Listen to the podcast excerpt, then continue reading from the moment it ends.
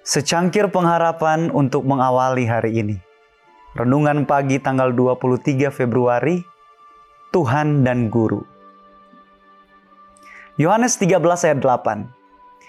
Kata Petrus kepadanya, Engkau tidak akan membasuh kakiku sampai selama-lamanya. Jawab Yesus, Jikalau aku tidak membasuh engkau, engkau tidak mendapat bagian dalam aku. Perkataan ini berarti lebih daripada kebersihan tubuh. Kristus masih berbicara tentang pembersihan yang lebih tinggi, sebagaimana yang digambarkan oleh yang lebih rendah. Ia yang datang dari tempat mandi sudah bersih, tetapi kaki yang memakai sandal tidak lama kemudian akan berdebu, dan sekali lagi perlu dibasuh. Demikianlah Petrus dan saudara-saudaranya sudah dibersihkan oleh pancaran air yang besar yang terbuka bagi dosa dan kenajisan. Kristus mengakui mereka sebagai miliknya. Tetapi penggodaan telah membawa mereka kepada kejahatan dan mereka masih memerlukan anugerah penyuciannya. Ketika Yesus mengikat pinggangnya dengan sebuah handuk untuk membasuh debu dari kaki mereka, dengan perbuatan itu ia ingin membasuh kerenggangan, kecemburuan, dan kesombongan dari hati mereka. Hal ini jauh lebih penting daripada membasuh kaki mereka yang berdebu. Dengan roh yang ada pada mereka pada saat itu, tidak seorang pun dari mereka bersedia untuk perjamuan suci dengan Kristus.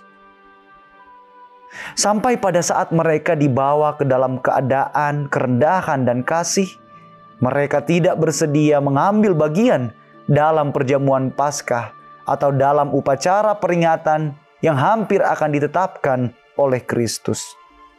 Hati mereka harus disucikan. Kesombongan dengan sifat memikirkan diri sendiri saja menciptakan perselisihan dan kebencian. Tetapi segala perkara ini dibersihkan oleh Yesus dalam membasuh kaki mereka. Suatu perubahan perasaan telah terjadi. Sambil memandang kepada mereka, Yesus dapat berkata, "Kamu ini pun suci." Sekarang terdapatlah persatuan hati kasih satu dengan yang lain. Mereka telah menjadi rendah hati dan dapat diajar, kecuali Yudas Masing-masing bersedia memberikan tempat tertinggi kepada orang lain. Sekarang dengan hati yang sudah ditaklukkan dan penuh rasa terima kasih mereka dapat menerima perkataan Kristus.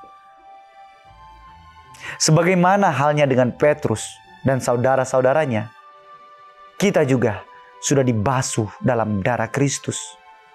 Namun, sering oleh hubungan dengan kejahatan, kesucian hati dinajiskan kita harus datang kepada Kristus untuk mendapat anugerah penyuciannya.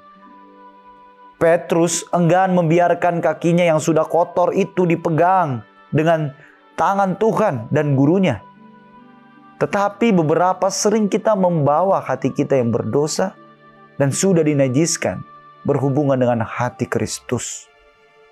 Alangkah menyedihkan baginya perangai kita yang jahat itu, kekosongan, dan kesombongan kita.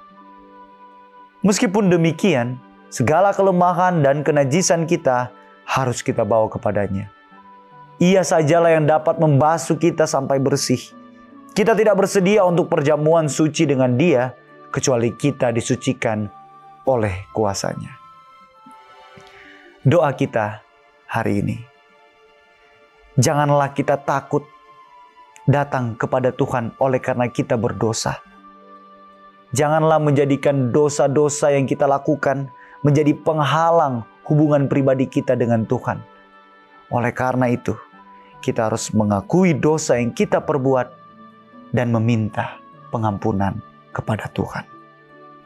Amin.